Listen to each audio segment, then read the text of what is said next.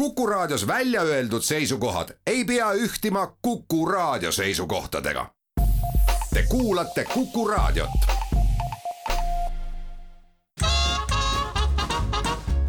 jäljed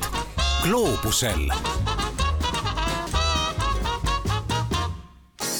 tervist, kallis Kuku kuulaja, on reedene päev, kell on saanud veidi üle ühe ja see tähendab, et Jäljed gloobuselt äh, sarja neljas saade on kohe-kohe algamas ja mikrofonide taga nagu ikka, Väino Laisaar ja Andres Karu. ja meie valime ju iga kord äh, mingi riigi või vahel paar, millest teile mõnusasti rääkida ja tavaliselt on need ka need riigid, kus me mõlemad oleme käinud. ja me leidsime Kesk-Aasiast ühe sellise toreda riigi, kuhu me mõlemad oleme kaks korda sattunud ja selle riigi nimeks on Kõrgõzstan, tere Väint! suur tere! sina oled seal käinud kaks korda ja ma tean, et sa oled see, kes salvestab äh, juba reisil käies ja mõeldes ka kõikidele nendele videotele ja asjadele, mis pärast tulevad, salvestad alati riigi kohta ka sellist taustainfot, et räägi veidikene, mis riik see Kõrgõzstan üldse on? no Kõrgõzstaniga on tegelikult selline lugu, et äh, nüüd taas äh, värskemat infot peale vaadates leidsin sellised faktid, et Kõrgõzstani inimesed vist soovivad üldse öelda, et nad on nüüd Kirgiisi vabariik ja seda arvatavasti siis sellepärast, et nad soovivad Nõukogude aegsest järg, Nõukogude järgsest sellest TAN-i taagast justkui vabaneda, aga, aga jäägu see siin nüüd igale enda tõlgendada, sest seda ma nüüd kinnitada ei oska, aga igal juhul me räägime siis täna Kõrgõzstanist või siis Kirgiisi, Kirgiisi vabariigist on ju. no ja kõigil on meeles ka see, et läbi aegade seal elutsevaid inimesi on ju kirgiisideks kutsutud, nii et noh, seega kõlab täitsa äratuntavalt meile. Just nimelt. Ja, ja riik ise sada üheksakümmend kaheksa tuhat viissada ruutkilomeetrit, mis on siis veidi rohkem kui neli Eestit ja seal elab kuus koma seitse miljonit inimest mis tähendab ju seda, et erinevalt paljudest riikidest, millest meil juttu millalgi tuleb või juba on olnud, ei ole see asustus eriti tihe.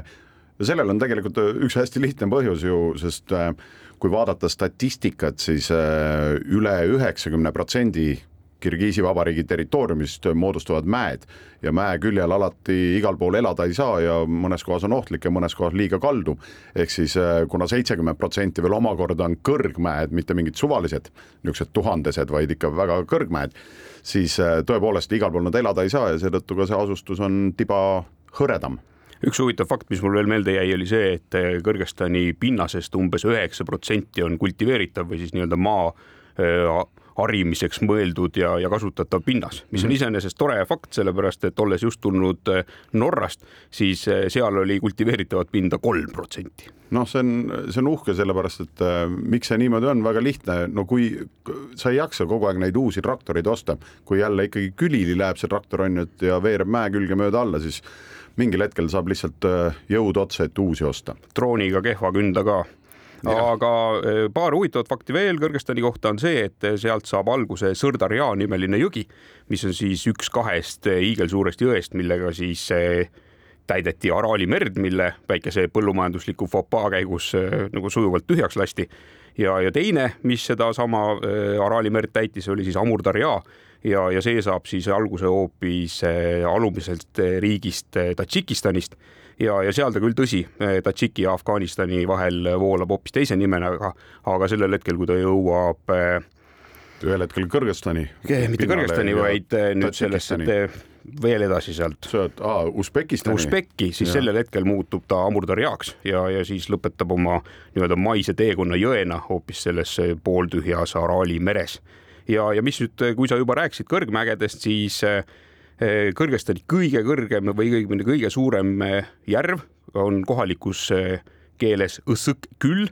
ehk siis muu maailm tunneb seda Issiküllina ja, ja sellega on selline lugu, et ta on Titicaca järve järel teine kõige suurem mägijärv üldse hmm,. vahi, seda ma ei teadnudki kas seal,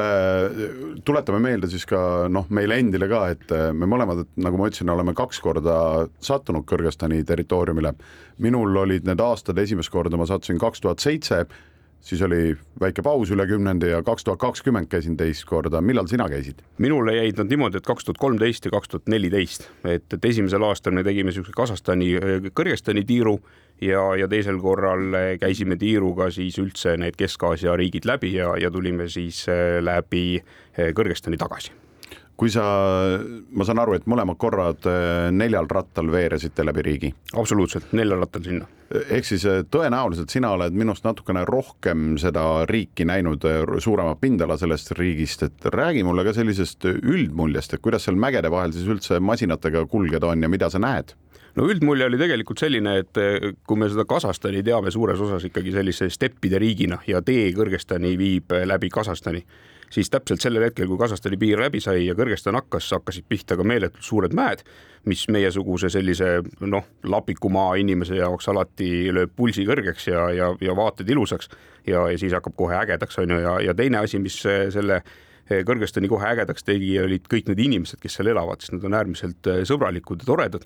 ja, ja, ja äärmiselt ka külalislahked, et kõik kutsuvad sulle endale külla sinna jurtasse ja pakuvad sulle komõssi ja, ja igasuguseid muid koogikesi, mis nad on parasjagu valmis teinud ja, ja kui tahad siis eh, tasuda neile lahkelt selle eest, siis nad keelduvad, noh, loomulikult on ikkagi viisakas tasuda, mitte käed taskus minema kõndida ja lihtsalt lehvitada.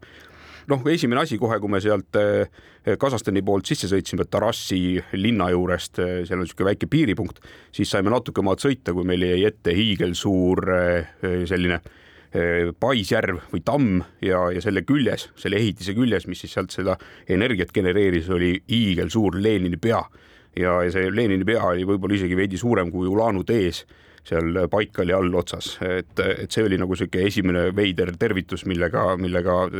Tadžikistan või õigemini Kõrgõzstan meid siis eh, vastu võttis. kusjuures pean eh, kinnitama, et juba aastal kaks tuhat seitse fikseerisime ka ära, et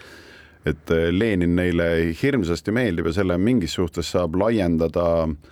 selle Kõrgõzstani eh, üldise sellise suhtumise peale ka natukene, et eh, nad on nostalgilised, nad hindavad väga Venemaad ja venelasi ja nad Äh, hindavad tegelikult ka kasahhe, et nende keel ju tegelikult, mis nad räägivad valdavalt, on ju kasahhi keel, kuigi nad kasutavad ka palju vene keelt. et see nagu noh, eriti praeguses olukorras nagu see, et noh, pigem nad ei ole väga nii-öelda sõbralik riik ja meiega ühes paadis nagu selle, selle suuna pealt. aga see jah, tõesti Nõukogude nostalgia on sinna vägagi jäänud ja tõepoolest Lenini päid näeb igal keskväljakul mm. -hmm. ja, ja tulles tagasi nüüd korra sellesse nii-öelda turistidesse suhtumisse, siis eh, toona sai meil üsna kähku selgeks, et Kõrgõzstan oli siis ennast justkui nagu välisturistidele eh, avamas ja seetõttu võeti kõiki turiste vastu kui selliseid eh, veidraid punasesse raamatusse kantud loomi, kellele tuli ainult pai teha ja kummardada ette-taha ja olla üdini sõbralik, et turistile jääks eh, riigist hea mulje ja, ja nii oli ka, et, et kui me iga kord seisma jäime kuskil suvalises kohas, et kas siis jalga puhata või lihtsalt ringi vaadata ja, ja sealsamas sattus kõrval olema mingisugune jurta, siis meid kutsuti kohe sinna sisse. Pakuti siis kumussi, näidati, kuidas seda kumussi seal eh, tehakse ja, ja kumuss kui selline on niisugune keefirilaadne kerge alkoholisisaldusega eh, piima, selline kääritatud piimaollus on ju. Yeah mis siis eh, minu teada mära piimast tehakse ja, ja pannakse kuueks nädalaks sellise puustünni sisse ja siukse udjaga antakse seal nii kaua minna, kuni see siis muutub selliseks, nagu, nagu ta siis parasjagu juhtub, sihuke hirmus sihuke hapukas ja, ja veider jook. ja et ongi, kumõssi suhe ongi nagu see, et kas sa hakkad seda armastama mingi aja jooksul, esimesest lonksust tõenäoliselt ei hakka keegi teda armastama, sest see hapu natuke laksab ikka täiega sulle nagu mõistuse paigast ära. aga siis äh, paljud hakkavad ka vihkama seda jooki ja neid teisi on äh, rohkem, ütleks ma, vihkajaid nii-öelda, aga seda jah, hea meelega seal pakutakse ja ikkagi viisakus äh, ütleb, et äh, võta ikkagi vähemalt lonks vastu, see ei pea olema suur. jah, ja teist korda jõudsime Kõrgõzstani siis äh, Tadžikistani poole pealt ja, ja seal on üks selline huvitav lugu, et sealne piiripunkt asubki kõrgmäestikus ja nelja tuhande kahesaja meetri kõrgusel ja, ja kui sa siis sinna kohale jõuad, siis ootab sind seal Tadžiki poole peal niisugune autokastidest maha tõstetud väikeste kuubikute ala, kus siis pead ise minema küsima, et mis sa tegema pead ja kas on piiripunkt ja, ja, ja proovima mööduda sellest kõverast lakkpaumist. ja, ja kui sa oled ka seal see eh, narkokontrolli läbinud, siis ootab sind ees mitmete-mitmete kilomeetri pikkune selline mäekurus sõitmine ja siis lõpuks, kui sa oled juba peaaegu lootust kaotamas, jõuad välja eh, siis Kõrgõzstani piiripunkti, mis on siis absoluutselt nagu teisest mastist kui seal Tadžiki poole peal ja, ja seal oli siis tore lugu, et kui me sinna kohale jõudsime, siis kohalik piirivalvur juba ilusti vormis ja, ja selline sirge seljaga käis ümber meie autode ja siis ühel hetkel ütles, et kuule, mina olen kuulnud, et äh, eestlasi on maailmasse väga väheks jäänud. Ja me ütlesime, et ei ole midagi, et saame ikka hakkama, et meid oma see üks koma kolm miljonit on ikka alles ja ja, ja meil on kõik hästi ja tore ja ei, ei, et ma olen ikkagi kuulnud, et teid eestlasi on väheks jäänud, et selle asemel, et siin autodega ringi hulkuda, peaksite kodus hoopis lapsi tegema. Väga eluterve, noh, nemad juba teavad, olgem ausad, nende pered on ka kõvasti suuremad kui Eesti keskmised pered ja toona sealtpoolt tulles me tulime siis äh, Tadžikist, äh, Taanist suhteliselt äh, suure kiirusega Kõrgõzstanist läbi, sest meil olid kaks väikest silmahaiget autodes, et see kõrgmäestiku liiv kahele reisikaaslasele läks silma ja siis me kõikides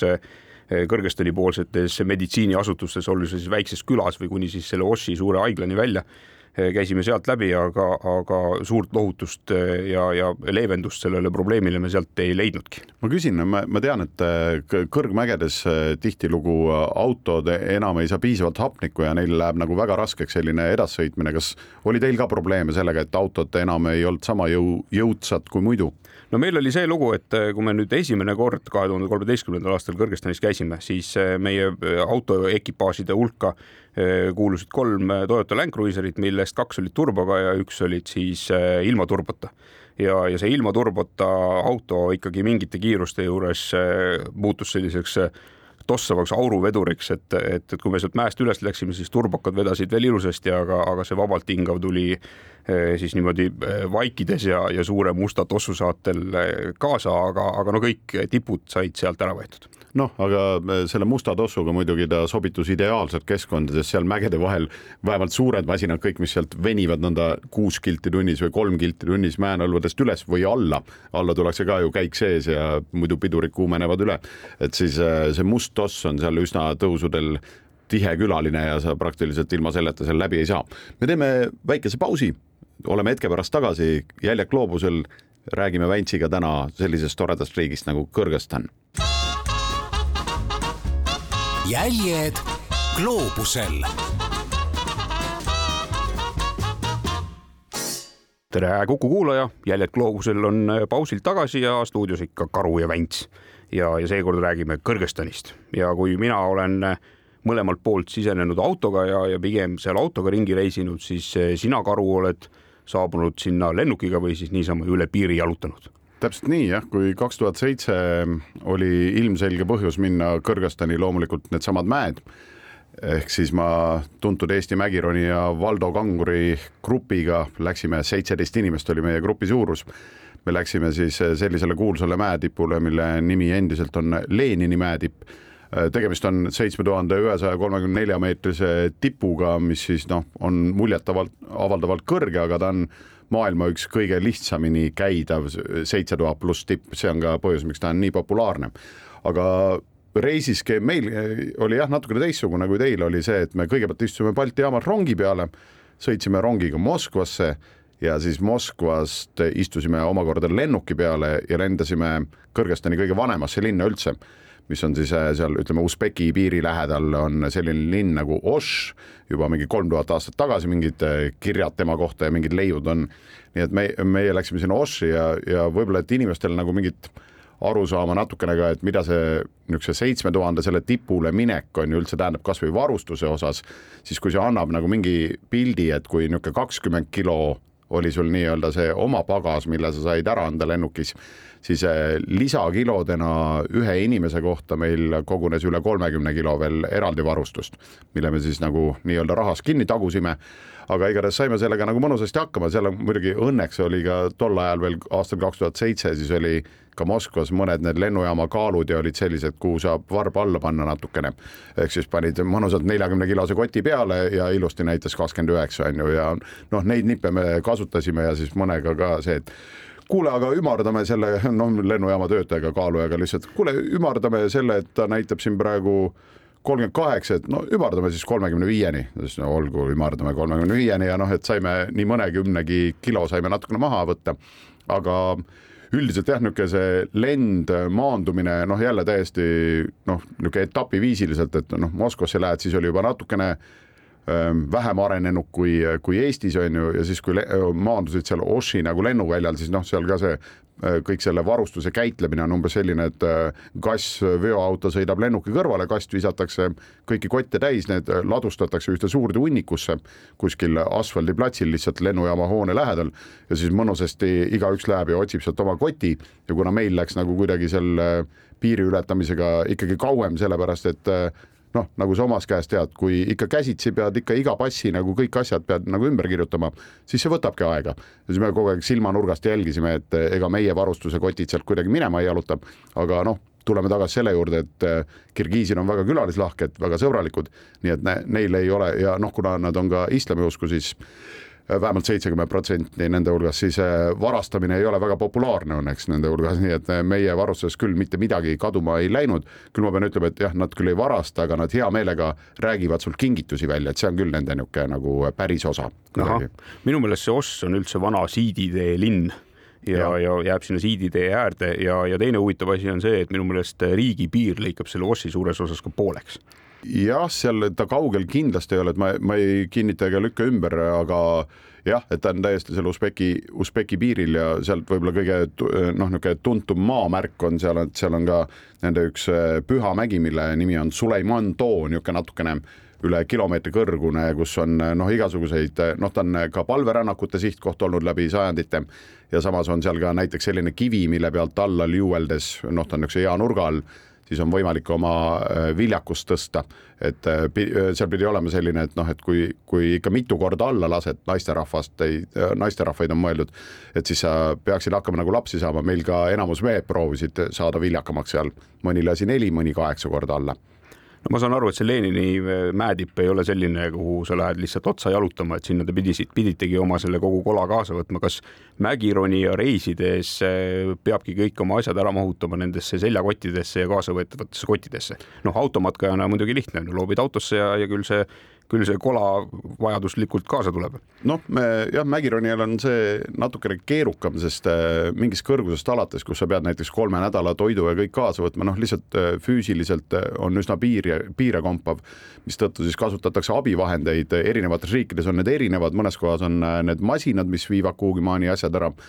mõnes kohas on need muulad, mõnes kohas on jakid, kes tassivad kuskilt baaslaagrist ülespoole ja juba baaslaagrisse ka kogu seda nodi. meil oli siis niimoodi, et äh, baaslaagrisse see nodi me viisime ühe suure Uraali veoautoga, millega oli võimalik ka läbi jõgede sõita ja mis teele jäid ja noh, kujutad ette, kui seitsmetuhandesed tipud on, et sealt ülevalt liustikelt ikka nii mõnigi oja tuleb nii-öelda alla. Nendest oli vaja läbi sõita, siis äh, kõrge jah, niisuguse, ma ei tea, ma arvan, et selle Äh, velje läbimõõt oli mingi üks koma viis meetrit või umbes mingi selline, et seisid kõrval, siis napilt äh, oli pea nagu rehvis kõrgemal on ju selliste ratastega masin on ju. sellega me siis sõitsime paar päeva pärast kohale jõudmist kogu varustusega kohale, mingi mersubuss oli meil ka teatud piirini tuli kaasa, lõpuks kolisime kõik sinna Uraali ja siis me jõudsime välja baaslaagrisse niisuguse kolme tuhande kuuesaja peale, aga sealt edasi siis seda varustust ülespoole ikkagi kasutatakse veel äh, tihti ka abivahendeid, kui sealt meie tassisime ise, aga muidu viiakse sealt tihti ka hobustega, on äh, Kõrgõzstanis on hobune niisugune kõva tööloom, kes siis tassib ülespoole. ja kui me juba olime seal baaslaagris nagu kohapeal, siis noh, baaslaager, äh, ma ei tea, kes mägedes on käinud, enamasti on baaslaagrid sellised suhteliselt kompaktsed aga Lenini all olev baaslaager on selline üsna laiale maa-alale nagu laiali valgunud, noh jälle seetõttu, et kuna kallakut on nii palju, et niisuguseid siledaid kohti on vähe, et igale poole oma jurtat ei saa nii-öelda tugiteenustega püsti panna, siis see baaslaager on ka nõnda, et noh, kui õhtul tuleb õlleisu ja pead eh, teise jurtasse jalutama, siis see võib tähendada edasi-tagasi näiteks kuute poolt kilomeetrit, et käia, saada lihtsalt oma õlu kätte, onju. et niisugune laial maa-alal ja sinna me siis Äh, grupijuht oli siis äh, organiseerinud kohaliku karjuse, kellel mulle nimed ka väga Kõrgõzstanis meeldivad, mis inimestele pannakse, tema nimi oli Mirage. Ja noh, täiesti oma nime vääriliselt teda vahepeal oli ja vahepeal ei olnud. nagu Mirage kadus ära ja tuli tagasi, vot äh, Mirage'iga siis, Mirage'iga oli kokku lepitud, et ta oli meile pannud siis kaks jurtat püsti ja lisaks oli tema enda nagu elujurta, tema pere oma ja seal siis tema kitsed ja hobused ja kõik toimetasid seal ümber ja ta pakkus meile siis tuge, tegi vahepeal ka, tõi mingit süüa ja, aga põhiliselt saime tema jurtades siis magada, et selline,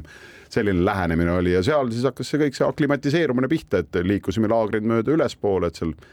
nii-öelda laager üks on neli tuhat nelisada, laager kaks niisugune kilomeeter kõrgemal, viie tuhande neljasaja peal ja tipulaager, kus siis nagu sinna seitsme tuhande ühesaja peale tõustakse, see on siis lõpuks niisuguse kuue tuhande ühesaja meetri kõrgusel, et seal hakkas see aklimatiseerumine pihta ja kõik toimingud, mis sellega kaasas käivad. kui pikk protsess see selle Lenini otsa minemine üldse on?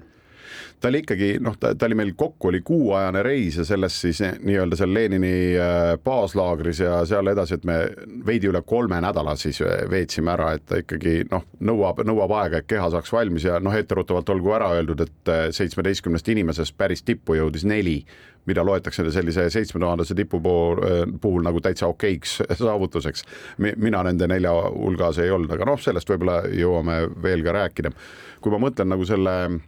selle Uraaliga nagu sõidu peale, see oli niisugune, me pidime siis nii-öelda Usbeki piirilt Oši linnas sõitma niisugune kakssada seitsekümmend kilomeetrit jämedalt siis äh, kagusse. et jõudsime Tadžiki piirile, kus siis see Lenini mäetipp täpselt piiri peal ka asub. et see sõit iseenesest oli täitsa vahva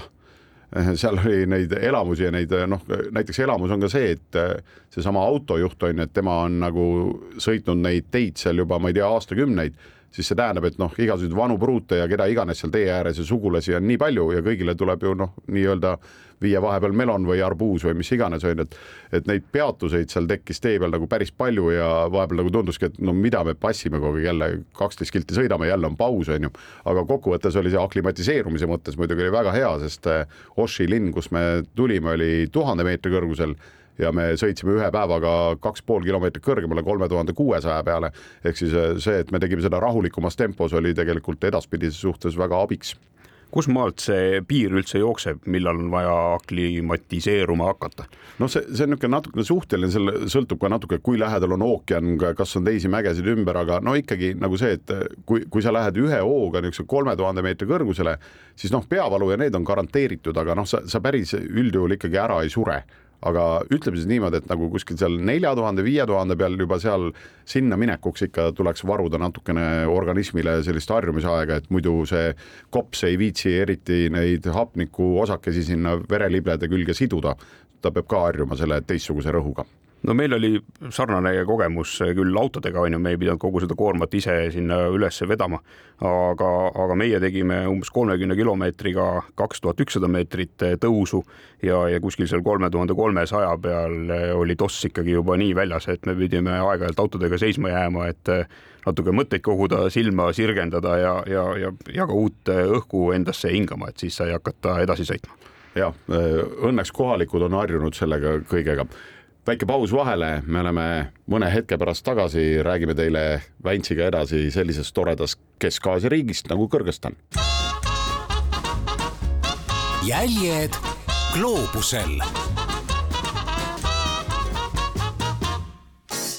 karu ja Vänts on mikrofonide taga ja, ja sellel korral teeme jälgi sellisesse põnevasse riiki nagu Kõrgõzstan ja need, kes kuulasid eelmist eh, väikest lõiku, said eh, mäletada, et karu on kuskil Lenini nimelise mäe äh, tipu baaslaagris ja mulle jäi tegelikult väga segaseks, et kui sa räägid, et seal ollakse kolm nädalat selle mäetipu vallutamisega tihedalt äh, tegemises, siis mis selle aja jooksul tehakse, kas sa lihtsalt käidki iga päev üles ja alla senikaua, kuni keha jõuab äh, ära aklimatiseeruda ja siis ühel ilusal päeval lähed tippu? erinevaid taktikaid on, et on neid, kes eh, nii-öelda tulevad baaslaagrisse, natukene harjuvad seal rõhuvahega ja siis hakkavad kogu kraamiga laagerhaaval ülespoole liikuma niisuguses rahulikumas tempos. ja siis on taktika, mida meie kasutasime, meie kasutasime seda taktikat, et eh, me tõusime baaslaagrist esimesse laagrisse, viisime sinna kraami ette, tulime baaslaagrisse tagasi, siis mingil hetkel läksime koos juba esimesse laagrisse, ööbisime ära, järgmine päev tõusime kolmandasse laagrisse ehk siis juba mingi viie tuhande neljasaja peale olime seal mingi, mingi ajakese, käisime ära ka viimases laagris kuue tuhande ühesaja peal. parema tervisega inimesed isegi jäid sinna üheks ööks, viisime jälle varustust ette ja siis kogu grupiga me laskusime tagasi baaslaagrisse, puhkasime seal mõned päevad ja siis läksime laager laagri haaval üles, et baaslaagrist esimesse, sealt teise, sealt kolmandasse ja siis juba tipu, tipupäeval, tipupäevi meil tuli kaks, kokku neli meest käis nagu tipus, aga baaslaagris jah, veedetakse sellest ajast ikkagi päris suur osa ja eks seal, eks see ole ka niisugune väljakutse, et mida seal teha mis paneb muidugi nagu teistpidi jälle nagu mõistuse nagu päris hästi tööle, et päris lolle ideid tuleb pähe, mida teha. ja tervis ei ole ka kõigil sugugi hea, paljudel on põhi alt läinud, mis tähendab, et nagu noh, väljakäik on selline auk, mis on tehtud kuhugi kahe lohu vahele, on ju, et nagu otsevaadet ei oleks. ja siis äh, käi-, äh, paljud sisustasid oma aega augul käimisega noh, ikka nagu, nagu neliteist korda päevas ja niimoodi, on ju. siis öö, osad sisustasid, kellel päris halb oli olla, meil oli üks öö, noorem mees oli niisugune, Jaak oli tema nimi, siis Jaak näiteks sisustas, kuna tema oli juba antibiootside peal lõpuks, et tervis hakkas nii käest ära minema ja laagriarst nagu käis teda aeg-ajalt tohterdamas Jaak näiteks üks päev, kui meie ülevalpool olime natukene toimetamas, siis ta kirjeldas, et mis tema sellel päeval tegi, siis oli see, et ta tõusis hommikul üles äh,, läks jurtast välja istus äh, vähe soojemasse külge päikse kätte välja, viskas külili ennast, vaatas pesunööri, kus peal olid need äh, pesupulgad, on ju, erinevat värvi ja siis ta kaalus tükk aega nagu mõtles, et kas ta paneb täna need pesulõksud värvi järgi ritta või ei pane. ja lõpuks otsustas, et äh, ei pane ja läks jurtasse tagasi ja, ja käes oli õhtu ja jäi magama kuni järgmise hommikuni. näiteks tema sisustas ühe, ühe päeva niimoodi mõeldes ära, aga noh, samal ajal meie näiteks tegime ka käepärastest vahenditest äh, golfivarustuse ehk siis kirka oli igaühel olemas, äh, mägironijatel on ju muidugi ja siis me otsustasime, et golfiraja tegemiseks polegi ju muud vaja, et nüüd oleks vaja veel ühte palli saada. ja selle me tegime siis käepärastest vahenditest ehk siis äh, kividest äh, ta oli suurem kui tavaline golfipall, kividest, äh, kilekotist ja teibist. niisugune hall ilus muna tekkis ja siis me tegime mingi viis rada umbes, et üks algas kuskilt äh, ojade vahelt saare pealt saare rada ja üks algaski sealt tualeti juurest oli peldiku rada ja kuskil oli prügiaugu rada ja no nii edasi. ja mängisime kõrgmägede golfi nõnda kolme tuhande kuuesaja meetri kõrgusel ja äh, pärast tipurünnakut siis tegime ka rahvusvahelise golfiturniiri, kus siis auhinnaks oli ülevalt mäest leitud üks täitsa korralik kirka oli esimesel äh, auhinnaks ja äh, kirgiisid siis lõid ka punti, needsamad Mirage'i mingid sugulased. nii et nendega koos siis rahvusvaheline turniir, kus äh, eestlased said kaksikvõidu ja meie Mikk, üks matkakaaslane, siis sai selle kirka endale, et tal ei olnudki varem, tal oli laenatud kirka, nii et läks õigesse kätesse, et vot selliseid aja sisustamise erinevaid vorme seal oli ja noh, igasuguseid lollusi oli ja nagu ma ütlesin, õlle järgi oli päris pikk tee, nii et äh, sa, sa võisid ju nõnda, et ei võtnud liiga palju kaasa. et kui teadsid, et päeva jooksul tahad näiteks kuus tükki juua, siis sa võisid ju mitu korda käia neil järel, ei pidanud ühe hooga ära käima. No mina olen äärmiselt äh, võhiklik, mis äh, mägedesse puutub, mul tekkis selline küsimus, et kuidas sa tead, et su aklimatt on nüüd tehtud kas kuidagi kell ütleb või on selle jaoks mingi äpp olemas või, või lihtsalt tead, et kui silmad jälle fookusesse lähevad, et siis võib hakata ülespoole minema? noh, seal on see ka, et kogemus natukene aitab sellest oma kehast arusaamisel on ju, et kui sa oled varem ka enam-vähem sellisel kõrgusel viibinud, siis sa saad sellest palju paremini aru, aga loomulikult on, äh, mida aeg edasi, seda rohkem on ka neid mingeid, äh, mis on oksomeeter näiteks on ju, paned sõrme otsa, noh, arsti juures paljud on kokku puutunud, et ta näitab seda hapnikusisaldust sinu veres ja noh, seal kõrgmäestikus noh, põhimõtteliselt on mingi piir on see, et et äh, kui on kaheksakümmend või äh, kõrgem, see, et noh, sada on maksimum nii-öelda, mida peaaegu kunagi ei ole kellelgi, pigem üheksakümmend üheksa siin äh, Tallinnas näiteks. et siis kui kaheksakümmend või parem on, siis nagu võid suht rahulikult liikuda ülespoole. aga kui ta kukub juba kuskil nõnda, et viiskümmend on näiteks, siis sul sellel päeval küll ülespoole asja ei ole, et siis tasub mõtlema hakata selle peale, et äkki peaks kas paigale jääma või su suisa laskuma üks laager näiteks tagasi. et on ka abivahendeid ja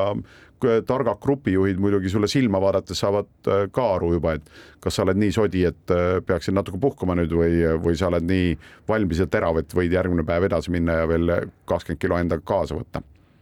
No meiega oli äh, sedasorti, et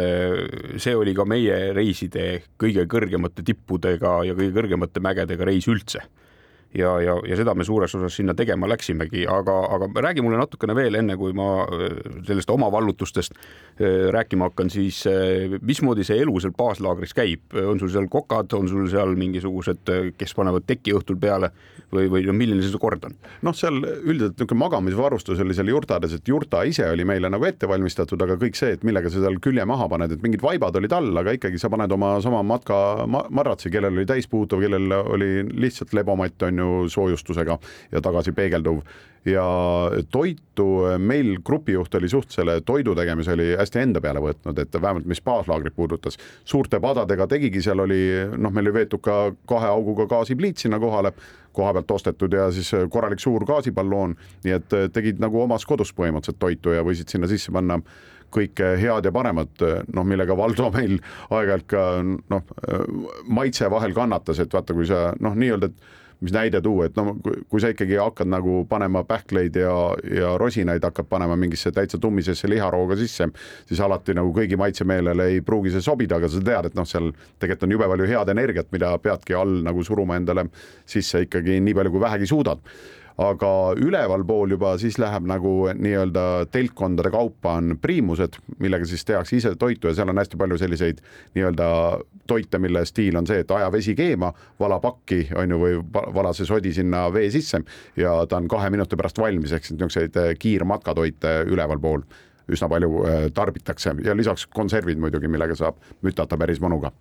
nii, aga. ma ei tea, ma olen nii pikalt rääkinud, minu arust oleks armas, kui sa räägiksid ka, et kuidas autodega nagu sõites nagu vahepeal nagu tore on ja mida näed. no nagu ma siin ennist mainisin, siis me läksime tegelikult ka tippe vallutama sinna ja, ja see oli kõige kõrgemate mägedega eh, riik, kuhu me oma reisidega olime jõudnud ja, ja selgelt olime me seadnud endale mitte tagasihoidliku eesmärgi ikkagi neli tuhat meetrit eh, ära vallutada. ja, ja siis eh, põhimõtteliselt sõitsime riigi keskele, seal on Narõnni nimeline asula ja, ja, ja sealt läks siis selline kaardi peal olev katkendjoon läbi mäekurude ja nende kõrgete tõusude sinna Issiküli järve äärde ja, ja selle me võtsime siis enda nii-öelda läbimisplaaniks. aga kõigepealt käisime seal Narõnnis suure turu peal ja, ja see oli selles mõttes äh, kahtepidi tore kogemus, et esiteks meil olid need oranži värvi särgid seljas ja parasjagu oli käimas jalka mm ja, ja siis kõik, kes meid nägid, arvasid, et me oleme hollandlased, kes on tulnud siia. Ja siis vaatasid pikalt, et ei, sellised jämedate kari ikkagi hollandlased ei saa olla jalgpallurid, et äh, ju on siis mingid maadlejad. nii et meie poole alati äh, pöörduti kui, kui nii-öelda gümnasistide, mitte gümnasistide, aga nagu võimlejate mm -hmm. poole ja, ja mis, mis maadlejad te olete ja mis meeskond ja kas on kuskil mingi võistlus algamas, et, et see oli nagu see, mis meile alati tähelepanu tõmbas, kui me seal oma sihuke vilkur oranžide särkidega ringi jooksime. ja, ja siis noh, mina isiklikult äh, selline suures osas tätoveeritud inimene ühel hetkel tabasin, et seal turu peal käib üks vana memm mul järgi juba pikemat aega, noh, sihuke minutit kakskümmend mm. -hmm. ja, ja siis ühel hetkel, kui pikemaks seisma jäin mingeid asju filmima, siis proua võttis ennast kokku, koputas õla peale ja küsis ettevaatlikult, et kas ma olen äkki šamaan. et tal on, et tal on mõned, mõned mured, mida mulle rääkida ja, ja ma ütlesin, et ei ole šamaan ja siis tädi vihastas eh, koletul kombel ja kukkus karjuma, et oli pool päeva maha raisanud lihtsalt mingisuguse oranži turisti ja värvilise turisti järel kõndides. nii et, et, et see oli üks põnev põnev kogemus, aga, aga noh, kui nüüd sellest mäeületusest ja mäekuru ületusest rääkida, siis tegelikult, kui ma siin enne ütlesin, et meil seal kolme tuhande kolmesaja peal juba hakkas õhk otsa saama, siis sellest me suutsime veel sõita veel kõrgemale, nii et me sattusime juba sinna lume, lumepiiri peale ja, ja meil oli lisaks siis nende mäe keerulistele teedele vaja ka siis nii-öelda laviinikohtadest üle saada, mis oli põnev. Need suur lumi ja elas käsikäes sealsete selliste ümiseja tüüpi loomadega või suslikud või marmotid on no, need. no vot, nende marmottidega ja, ja see tuletas mulle kogu aeg meelde eh, ühte eh, reisivideot, mida ühed tsiklimehed palusid mul kunagi monteerida, et olid käinud Baikali all seal. Ja siis eh, oli seal videos üles filmitud väga põnev see noh, marmott. marmoti küpsetamise viis, ütleme, et nüüd mitte väga piltlikult seda pilti siia ette maalida, siis lihtsalt ülemine osa võeti ära sellel marmotil, sees tehti tühjaks ja, ja siis laoti sooja kive täis ja pandi seina äärde seisma see marmotikott. Ja, ja niimoodi ta siis eh, mõnda aega küpses seal, kuni siis eh, oli see eh, marmott valmis saanud. jääb meelde küll, kusjuures ma Marmoti jutu lõpetuseks ja selle saate osa lõpetuseks ka siis nii palju, et marmottidega siis äh, kusjuures märkasin, neid on teist, teistsugustes mäestikes ka näeb neid loomakesi. Nad tavaliselt on palju julgemad, kui nad olid Kõrgõzstanis ja see on põhjus ongi ilmselge, sest nad teavad, et seal neid ka süüakse, on ju kuskil Euroopa mägedes, kui nad Alpides on, siis nad inimest nii väga ei pelga vilistavad seal nagu reklaamides. ja just nimelt, aga meie järjekordne saate osa on leidnud oma toreda otsa, küll aga mitte saade, me tuleme korra veel tagasi. kuulake tähtsaid teadaandeid ja siis Väints ja Karu jätkavad teiega saates Jäljak gloobusel. jäljed gloobusel tere tulemast äh, tagasi, Jäljak loobuselt jätkab sellise riigiga nagu Kõrgõzstan ja me siin enne pausi rääkisime natukene kõrgustest. Väints, äh, kui kõrgele te siis oma masinatega välja sõitsite, mis su kõrgusrekordiks siis nüüd on? no tegelikult juhtus niimoodi, et ega nüüd äh, päris seda nelja tuhandet meetrit me kätte ei saanudki, see, seesama ületus sealt Narõnnist siis Issiküli järve äärde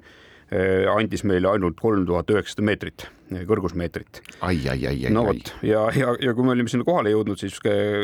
kõrgusjoonte järgi vaadates tundus, et kui me sealt äh, järve äärest hakkame ida poole sõitma, siis äh, läheb väga kõrgeks ja sealt ikka selle nelisada, neli tuhat meetrit kätte saame aga see sõit päädis sellega, et mingil hetkel oli traataed ees ja, ja olime sattunud mingisse piiritsooni, nagu me ikka satume. Õnneks seekord mitte valele poole aeda ja, ja sealt meid edasi ei, ei lastud, öeldi, et paar päeva läheb paberite vormistamisega, et siis saaksime sisse, aga noh, seda paari päeva meil ei olnud kuskilt sealt eh, kulutada. Eh, ja siis ei olnudki midagi teha, võtsime korraks aja maha, sõitsime järve äärde eh, mis oli ka ainukene koht, kus me sellist nii-öelda nagu tavaturismi piirkonda kohtasime, kus kõikide asjade hinnad olid umbes neljakordsed ja, ja, ja nägi ka siis turiste, et kui ülejäänud Eh, Kõrgõzstan õnnestus meil läbi sõita nii, et mitte ühtegi turisti ei näinud, välja arvatud eh, kahte eh, Poola tsiklimatkajat, kes, kes oma märgiriideid kuskil kaljunuki juures kuivatasid ja, ja mootorrattad putitasid, siis, siis ülejäänud turistid olid kõik kogunenud jah, sinna sellesse järveäärsesse nii-öelda kuurortisse või siis sellesse piirkonda. kuule, aga seal on ju äh, turutraditsioon on juba siidide aegadest nagu väga suur, kas te kohalikule turule ka näiteks sattusite? väikestel turgudel käisime ka, kogu aeg hõisati meile järgi, et näed, ikkagi hollandlased on jälle tulnud siia ja siis vaadati, et ikka ole, ei ole hollandlased, ju siis ikka mingid maadlehed jälle aga, aga me sattusime siis Biškekis ühe Aasia suurima turu peale kus siis eh, põhimõtteliselt noh, kui seda kirjeldada, siis see on hiigelsuur territoorium, mis koosneb merekonteineritest, mis on üksteise otsa laotud ja see läheb tänavate ja tänavate viisi ja seal müüakse kõike seda sodi, mida, mida ka meie maalt osta saab ja mida nagu kõikidest riikidest osta saab ja Aasias toodetakse, on ju, noh, seal on siis liivakasti mänguasjadest, vale brändi potastest, riiete ja, ja kõiksugu vidinateni välja. pilt on hästi kirju seal alati, eks ole. absoluutselt no,, kirjeldamatu ja, ja siis need, kes sealt muidugi nagu edasimüümiseks asju kokku ostavad, siis nende jaoks on Eh, avatud eraldi pakkimisala, kus on siis suurte selliste tööstuslike pressidega inimesed, eh, kes siis kogu su ostetud kraami pressivad selliseks väikseks kuubikuks, veavad sinna siis traadi ümber nii et sa saad äh, selle hiiglema koguse endale ikkagi kuidagimoodi autosse toppida, küll tõsi, piiri ületades äh, nii mõnelgi äh, kaupmehel lasti see pakk uuesti lahti lõigata. ja, ja see põhimõtteliselt nägi välja nagu mingi selline riiete ja, ja asjade plahvatus keset seda, et, et kuidasmoodi see pärast läbivaatamist uuesti kokku pakiti, pole, pole õrna aimugi. Ja Tortoi basaar oli minu meelest selle hiigelturu nimi, nii et kes sinna kanti satub ja, ja turg võiks olla tema teema, siis astuge sealt kindlasti läbi. ja, ja üks eh, selline huvitav eh, maitseelamus ka siia juurde kuigi Samsa nimeline see kolmnurk eh, pirukas on küll originaalis eh, minu teada pärit Kasahstanist, siis Kõrgõzstanis on see ka äärmiselt populaarne ja, ja sellest sai kerge sõltuvus, neid on saada väga erinevat voodi. tuleb muidugi arvestada sellega, et kui te võtate lihaga Samsa endale, siis Kõrgõzstanis on sibul täpselt samasugune liha nagu kõik loomne produkt nii et, et see suhtarv vahepeal oli kümme protsenti liha, üheksakümne protsendi sibula vastu ja, ja üks kõige huvitavam asi oli see, et kanasamsa nägi näiteks niimoodi välja, et terve kanajalg koos kondiga oli sinna kolmnurk piruka sisse pandud. nii et kui kogemata valest otsast hammustasid, siis sai kohe sahtlitäie hambaid välja sülitada ja, ja, ja minna järgmise pehmema piruka poole jah, see turule sattusin mina ka võib-olla turuga seoses nagu äh, me saime viimasel päeval Oshis äh,, ülejäänud grupp läks juba hotelli magama, siis äh, sõber Fred, kes käis ka tipus ära temal oli kohalikku raha ehk somme oli siis natukene üle jäänud ja need oli vaja ära kulutada ja summa oli nii suur, et näha oli, et ta üksi sellega hakkama ei saa, siis me läksime kahekesi. ja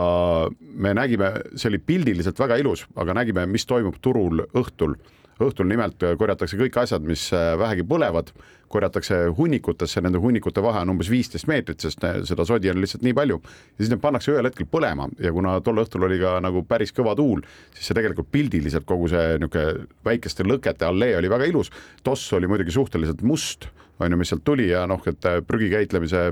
tase, taset see nagu absoluutselt ka näitab, sest noh, teine näide on see, et kui me kohalikus nii-öelda joogikohas istusime imeilusa jõekese kalda peal, niisugune rõdukene, kus all lapsed ujusid vees, on ju, siis äh, kui meie laua peal oli juba kogunenud umbes kakskümmend viis tühja õllepudelit ja me siis, kui kelner järgmiseid tõi, ütlesime, et kuule, et äh, saate osa ära viia, et meil ei ole ruumi, siis ta vaatas meid mõistmatu pilguga ja loopis äh, umbes kuueteist sekundiga kõik need kakskümmend viis üle serva alla jõkke, kus siis nagu noh, lapsed nihkusid veidi kaugemale lihtsalt, et nad pudelitega pihta ei saaks, et noh, see on nende prügi käitlemine, ma ei tea, kuidas see nüüd viisteist aastat hiljem on, aga tõenäoliselt mitte palju parem, et see on nagu meelde jäänud. Aga noh, kui Frediga seiklustest nagu edasi rääkida, et siis meil tuli ikka ühel hetkel see tunne ka, et ei no me muidu neid somme otsa ei saa, et me peame ikka minema ööklubisse ka ja tahaks tantsida. ja siis võtsime seal põhilised, vähemalt Oši linnas on äh, nagu kõik taksod on Taiwo tikod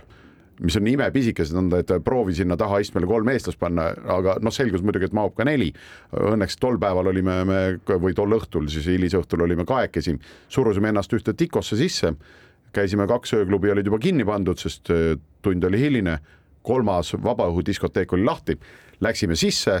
lokaliseerisime olukorra, nägime, et üks laud on, mille taga istub ainult viis naist, mitte ühtegi meest. ja noh, loomulikult tuli geniaalne idee, et äh, kuidas ikkagi tantsupartner leida, et tuleb saata kõigepealt šampus lauda.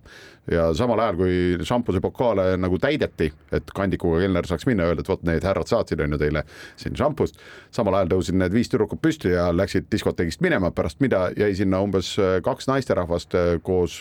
umbes viie meesterahvaga kumbki. eks me siis proovisime proovisime ikkagi mingeid äh, jooke seal ja, ja ühel hetkel siis äh, selgus, et tantsida saab täitsa vabalt ka niimoodi, kui naisterahvaid üldse ei ole et meil igasugused sõpru tekkisid, kes tulid, ütlesid, et oi, see, kuidas te šampust jagasite seal, no me jagasime selle ikka laiali mingite tantsijate vahel ja Discordile ja saatsime need pokaalid, mis olid välja valatud, sest ise šampust paraku ei tahtnud, onju.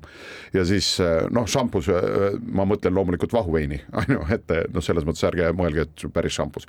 ja kui me siis lõpuks leidsime ennast ka tantsupõrandalt, siis seal ainult mehed olidki ja mitte keegi ei naernud, kui kõik tantsisid mehed omavahel ilusasti. ja, ja see oli äge ja, ja tehti huvitavaid liigutusi, eks me proovisime teiste meestega sarnased olla. vahepeal õnnestus, vahepeal ei õnnestunud ja lõpuks nagu ikka sellised õhtud tihti lõpevad, on ju see, et sinu lauda tulevad ikkagi korraliku külakosti liitrisega tulevad nagu kohalikud vennad, kes siis räägivad noh, küsivad, kus sa oled, sa ütled Eestist, siis ta ütleb, oi, mul ju üks sõber elab Minskis ja noh, need tavalised jutud, et ja, ja mul ju noh, vend käis ju Riias, käis ju miilitsakoolis ja kõik needsamad jutud hakkavad jälle pihta ja, ja, ja siis nad räägivad oma saavutustest boksis ja ja, ja jutt läheb aina igavamaks ja igavamaks ja lõpuks sa sõidad ära sinna noh, lihtsalt oma hotelli ja lähed magama, aga samas oled elamustest täiesti pungil. et see selline nagu lõpuosa nagu oli mul jäi just see diskoteek ja meestega tantsimine ja selline lahe lõpp jäi minul mulle meenus sellega samasugune või üsna sarnane kogemus Mongoolia pealinnast Ulaanbaatorist, kus ka iga õhtu olid diskoteegid lahti. Ja, ja samamoodi ühes diskoteegis eh, oli täiesti eh, rahvatühi olukord, ainult ühes lauas istusid neli tütarlast. Ja, ja, ja pärast tuli välja, et neid sai sealt endale tantsu jaoks osta, kui piisavas koguses eh, oli tugrikuid kaasas. aga, aga noh, selle võimaluse me jätsime kasutamata ja, ja, ja sai ka omavahel tantsitud seal ja, ja noh, see päädis ka selliste nii-öelda tantsuplatsil olevate eh, käesurumisvõistluste ja muude asjadega, selle kohalike, kohalike põkkidega, aga, aga olukord siiski lahenes. aga, aga enne kui me nüüd siin eh, selle saate lõpupoole tüürime, siis ma ütlen ära, et me tegime ühe katse veel kohe peale jaanipäeva selle neli tuhat meetrit ikkagi kätte saada ja, ja see päädis siis peaaegu mitte hästi Äh, Rait oli juhtimas kolonni, äh, väike rada viis Mäkke üles, siis autorada asendus kitserajaga, siis kadus kitserada ära ja siis kadus ka igasugune sirge pind ära, mille peal sõita ja mingil hetkel ta auto hakkas mööda libedaid kive vaikselt kuristiku poole äh, maanduma või noh li, libisema ja, ja siis saime kiiresti vintsitrossid, asjad külge ja, ja panime oma inimesed raskuseks vastukaaluks, et auto lihtsalt külili ei kukuks ja, ja saime selle olukorra päästetud. Ja, ja lahkumine toimus sealt äh, riigist siis niimoodi, et Kasahstani piiri peal suunati meie auto röntgenisse ja see siis tegi röntgenipildi selliselt, et pildistas katuseboksis oleva kirve pea või õigemini noh, kirve enda siis kuidagi pildi peal keset autot ja, ja see oli kohalikele inimestele äh, äärmiselt suur probleem, sellepärast nad ei saanud aru, et mis asi sinna autosse peidetud on, et kui on auto sees tühi, aga röntgen näitab, et midagi on, siis äh, tahtsid meie auto pulkadeks lahti võtta, aga, aga õnneks ikkagi viimasel hetkel lõid käega. Mm.. enne sai mainitud, et ma olen kaks korda Kõrgõzstanis käinud, et see teine kord äh, me ei jätnudki sellele palju aega, sellepärast et see oli ka väga põgus külastus, ma lihtsalt käisin kaks tuhat kakskümmend jaanuarikuus tegelikult Kasahstanis lendasin ilusasti nende pealinna, mida nad ise kutsuvad endiselt Astanaks, aga eelmine isevalitseja andis selle nimeks siis Nur-Sultan. Siis sealt Astanast ma sõitsin rongiga Almatõõsse ja Almatõõ on seal all lõuna pool niimoodi, et noh, Kõrgõzstani piir on kohe sealsamas. Ja siis mul ühel õhtul lihtsalt mõtlesin, et mida pealelõunal teha. mõtlesin, et läheks kuhugi sööma täna õhtul ja siis tekkis see mõte, aga miks ma ei või minna siit Kasahhist on ju Kõrgõzstani sööma, sest kui üle piiri lähed, siis seal kohe on põhimõtteliselt pealinn Biškek ja et see on niisugune paar tundi autosõitu, siis piiriületus ja lähedki sööma.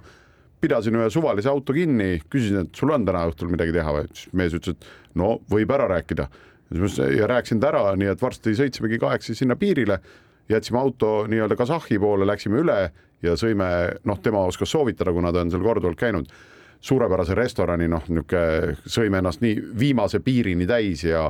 ja käi-, jalutasime natukene Biškeki linna peal, kus ma ei olnud varem käinud, vaatasime kohalikku arhitektuuri ja, ja muid ilusaid vaatamisväärsusi. ja siis liikusime uuesti jalgsi või takso abil piirile, läksime jala üle ja siis sõitsime tagasi Almatöösse, nii et teine kohtumine mul Kõrgõzstaniga oli siis selline põgus. aga armutud minutid on tiksunud sinnamaani, et me, meil on taaskord äh, natuke nukker teile öelda nädalaks ajaks head aega. Väino Laisaar ja Andres Karu olid saatega Jäljak gloobusel Äh, neljandat korda siis äh, teie kõrvas ja kus me järgmine kord jälgi teeme, eks me vaatame, tõenäoliselt võib see olla mõni Kesk-Aasia riik ja Kasahstanist räägime ka kindlasti, kui vähegi aega saame, sest Kasahstan minu arust on maailma kõige huvitavam igav riik üldse. absoluutselt, nii et kohtumiseni järgmisel reedel, aitüma kuulamast. nägemist ja püsige avarad. Jäljed gloobusel